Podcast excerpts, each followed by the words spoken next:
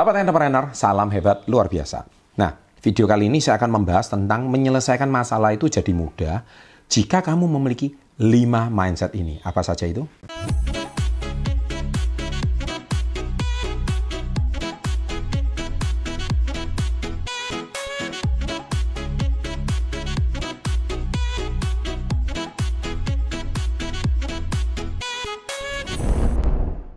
Baik, selamat datang di channel Success Before 30, channel yang konsisten berbagi pengembangan diri, eh, edukasi-edukasi finansial, kemudian eh, hari ini juga tips-tips bisnis, sehingga channel ini saat ini sudah mencapai tiga setengah juta subscriber.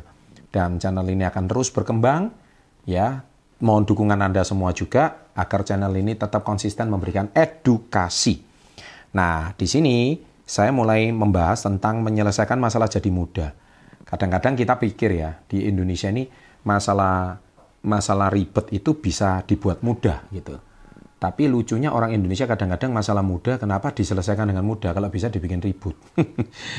nah, oleh sebab itu sebenarnya masalah itu bisa selesai dengan sederhana kalau Anda tahu lima kunci ini. Nah, lima kunci ini apa saja? Tapi saya juga mengacu kepada buku saya Success Before 30 ini khususnya halaman mindset ya. Halaman mindset ini saya mengajarkan tentang eh, apa yang dimaksud dengan mindset di halaman pertama, mengapa banyak orang belum kaya di halaman 17, mindset dan mental orang sukses di halaman 23, sangat berhubungan dengan mindset. Nah itu pengembangannya, tapi eh, lima kunci poin ini saya akan bahas dan nanti pendalamannya Anda bisa baca buku Success Before 30. Nah yang pertama yaitu ask yourself. Ask yourself itu maksudnya tanyakan pada dirimu sendiri, mengapa hal ini bisa terjadi.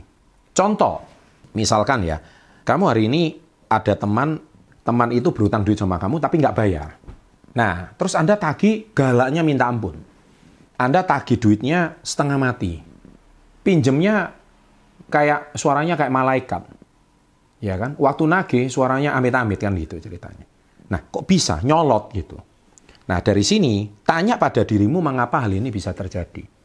Saya sudah pernah bahas gitu loh ya. Hukum meminjamkan hutang pada teman. Kalau Anda punya uang satu juta, ya jangan pinjemin satu juta. Anda yang keteteran nanti. Mungkin hukumnya 10-20% kekayaan kamu aja. Jadi kalau Anda punya duit sejuta, ya maksimal pinjemin 100-200 ribu. Jadi kalau nggak balik duitnya, kamu nggak sakit hati. gitu. Anggap aja sedekah, kan gitu. Nah, ini sama. Jadi kadang-kadang kita harus tanya pada diri kita sendiri, apa masalahnya? Kalau masalahnya satu juta kamu pinjamkan semua, nah itu masalahnya di kamu. Padahal anak istrimu masih butuh makan, anakmu yang di rumah itu butuh uang sekolah, anakmu yang di rumah itu juga butuh duit. Tapi kamu dasar orangnya terlalu baik, nggak tegaan, kamu akhirnya menjadi berikan semuanya. Nah, jadi ask yourself, tanya dirimu. Kadang-kadang kamu itu masalah itu justru bukan di orang lain, tapi loh Pak, dia tuh yang pinjam duit saya kok jadi saya yang bermasalah. Betul, tapi aturannya kamu yang keliru. Nah, jadi aturan inilah harusnya kamu sadar gitu. Kadang-kadang mungkin bisa jadi duit dia juga ditilep orang lain. Ruang jadinya kan hidupnya kan. Nah, itulah sebabnya tanya sama dirimu mengapa hal itu bisa terjadi. Itu contoh yang pertama. Contoh yang kedua, selalu melihat peluang bukan melu. Contoh kayak saya kemarin kena COVID. Banyak orang itu kan mengeluh. Memang bahaya. Virus varian ini memang bahaya. Tapi kadang-kadang saya juga berpikir, saya kan bilang bahwa saya lebih kuat dari COVID. Ya, saya bersyukur aja, happy aja. Apakah saya uh, bingung kena COVID pertama kali? Iya, saya mungkin bingung. Apakah saya sedih? Sedih sesaat, tapi saya nggak pusing. Saya nggak ambil pusing. Justru saya bilang, akhirnya saya kena COVID. Yes, saya dapat vaksin alami. Yes, akhirnya giliran saya juga kena COVID. Yes, nah kan seperti itu.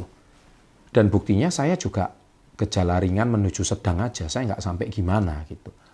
Nah, dari sini kita harus melihat peluang bukan mengeluh. Contohnya PPKM. Banyak orang mengeluh. Wah ini gini, gini, gini, gini, gini, gini. Percaya sama saya, kalau PPKM ini nggak dilaksanakan, nyawa taruhannya, rumah sakit sudah nggak bisa nampung orang. Tapi bagi sebagian besar masyarakat kita, mereka nganggap mereka nggak bisa dapat duit harian. Ya, Anda harus cari cara, bukannya mengeluh. Anda harus putar otak gimana caranya melihat peluang. Nah, itu yang sering kali otak kita diciptakan itu nggak bisa berpikir. Anda nggak bisa melihat peluang. Contohnya mungkin di saat kondisi seperti ini peluang apa yang bisa diciptakan? Ya kan? Anda harus bisa mikir gitu contohnya. Mungkin jangan-jangan inilah kesempatan kamu punya pekerjaan baru. Anda mungkin saat ini mengeluh, Anda mungkin jualan mainan gitu. Tapi aduh Pak sepi Pak, nggak ada yang beli Pak. Anda jual bakso contohnya. Aduh Pak sepi Pak, orang takut Pak. Begini, begini, begini. Saatnya mungkin Anda cari peluang baru. Apa kayak peluangnya ya? Kalau saya bagikan semua kan nanti lama-lama Anda nggak mikir. Tapi pasti ada peluang baru di saat sebuah krisis. Ya, nah poin yang ketiga adalah melihat pandangan yang lebih luas. Apa maksudnya pandangan yang lebih luas? Jadi ketika ada masalah itu bisa jadi mudah. Anda harus melihat pandangan yang lebih luas. Contohnya kalau saya marah sekarang, untungnya apa bagi saya? Kalau saya berhenti sekarang, untungnya apa bagi saya? Coba lihat pandangan lebih jauh. Pandangan lebih luas. Ketika Anda melihat masalah itu 5-10 tahun ke depan, maka Anda bisa lebih berhati-hati kalau di buku saya Badai Pasti Berlalu, saya ada bilang yang namanya big picture. Makanya Anda itu harus punya sebuah koneksi atau relasi teman yang saya percaya wawasannya lebih luas. Sehingga minimal jangan cuma ber, berteman dengan orang-orang seusia. Tapi bertemanlah dengan orang yang mungkin 20 tahun, 30 tahun lebih tua dari Anda. Yang saya yakin meskipun mereka itu secara teknologi kalah, tapi mereka secara pengalaman hidup Anda nggak bisa lawan mereka. Mereka jauh lebih mempunyai sebuah pengalaman hidup yang luar biasa. Dan saya percaya dari situlah pandangan kita akan lebih luas. Kalau pandangan luas, pandangan kita lebih jauh, niscaya kita mengambil keputusan tidak gegabah. Dan akhirnya masalah yang rumit jadi lebih mudah kan. Contohnya, kalau saya berantem hari ini untungnya apa? Coba Anda menenangkan diri. Ya buat apa saya berantem? Ya kan, lebih baik saya mengalah. Karena Anda melihatnya banyak masalah uh, yang bisa diatasi ke depannya. Ya, banyak hal-hal yang lebih baik kalau Anda menghindari. Ini ini sebuah hal yang paling luar biasa. Yang keempat, fokus kepada apa yang sedang terjadi bukan apa yang akan terjadi. Nah, jadi Orang yang fokus kepada apa yang akan terjadi, itu biasanya orangnya khawatir berlebihan. Apa sih maksudnya manusia khawatir berlebihan? Contohnya, Anda ini kan di uh, rumah nih sekarang, kalian mau pergi keluar. Terus Anda tuh sebelum keluar rumah Anda mikir, waduh, nanti kalau di luar ini ada ditangkap polisi gimana ya? Terus kemudian kalau saya nanti tabrakan di pinggir jalan gimana ya? Terus nanti kalau misalkan saat ini kondisi lagi tidak aman, nanti kalau saya mobil saya dirampok orang gimana ya? Nah, jadi Anda itu berpikir yang tidak-tidak. Nanti kalau misalkan oh, terjadi tsunami gimana ya? Nah, jadi masuk saat ini COVID, nanti saya memang paling bagus kondisi COVID memang di rumah, tapi kalaupun harus keluar, terpaksa keluar, tetapkan prokes yang kuat. Tapi kalau misalnya Anda keluar, Anda asal-asalan pakai protokol kesehatan, jadi apa yang terjadi? Ketika Anda keluar rumah, ya anda itu tidak awas, wah nanti kalau saya terpapar gimana ya? Nah, uh, memang hidup di masa depan itu sungguh sangat-sangat menderita. Karena orang khawatir, itu orang cemas, itu memang susah sekali. Sama seperti orang yang nggak bisa move on, dia itu hidup di masa lalu. Hidup di masa lalu itu seperti apa sih? Saya kemarin itu jatuh.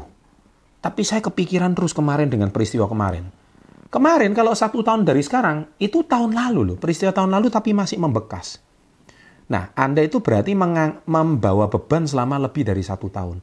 Ketika Anda membawa beban lebih dari satu tahun, apakah hidup Anda itu bahagia? Jadi masalah yang sebenarnya mudah, itu menjadi rumit gara-gara kalian. Nah, mari kita menyederhanakan masalah dari yang rumit itu menjadi lebih sederhana. Kalau masalah itu menjadi lebih sederhana, maka saya percaya Anda fokus dengan kondisi saat ini bukan kondisi di akan datang atau kondisi di masa lalu. Ketika Anda hari ini fokus pada kondisi Anda saat ini, maka do the right thing right now.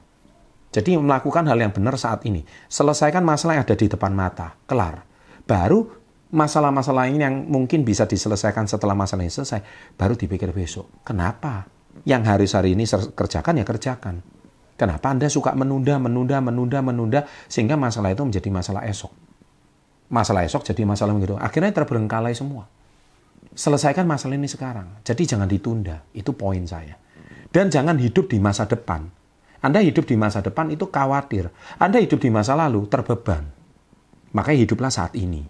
Kalau Anda hidup saat ini, maka Anda, saya nih saya, karena saat ini pun masih ada beban gitu loh. Kenapa Anda harus nambah beban masa depan? Oke, jelas ya. Nah, yang kelima, kumpulkan berbagai saran dari orang lain agar kamu bisa mendapatkan lebih banyak pandangan dan jalan keluar. Tadi saya sudah bahas sih. Poin ketiga, dengan Anda mendapatkan insight dari orang-orang yang jauh lebih tua dari Anda, minimal Anda bisa menjalani hidup itu dengan benar. Tentunya insight itu dari orang berpengalaman loh ya. Orang yang menurut Anda adalah orang yang saya yakin pasti jauh lebih baik di masa depan. Demikian video kali ini saya buat. Semoga masalah Anda yang rumit bisa menjadi lebih sederhana, masalah sederhana menjadi selesai. Nggak usah terlalu pusing. Jangan lupa like-nya, komen di menit keberapa yang menurut Anda video ini sangat bermanfaat dan berbobot dan bisa menjawab masalah Anda. Sukses selalu dan salam hebat luar biasa.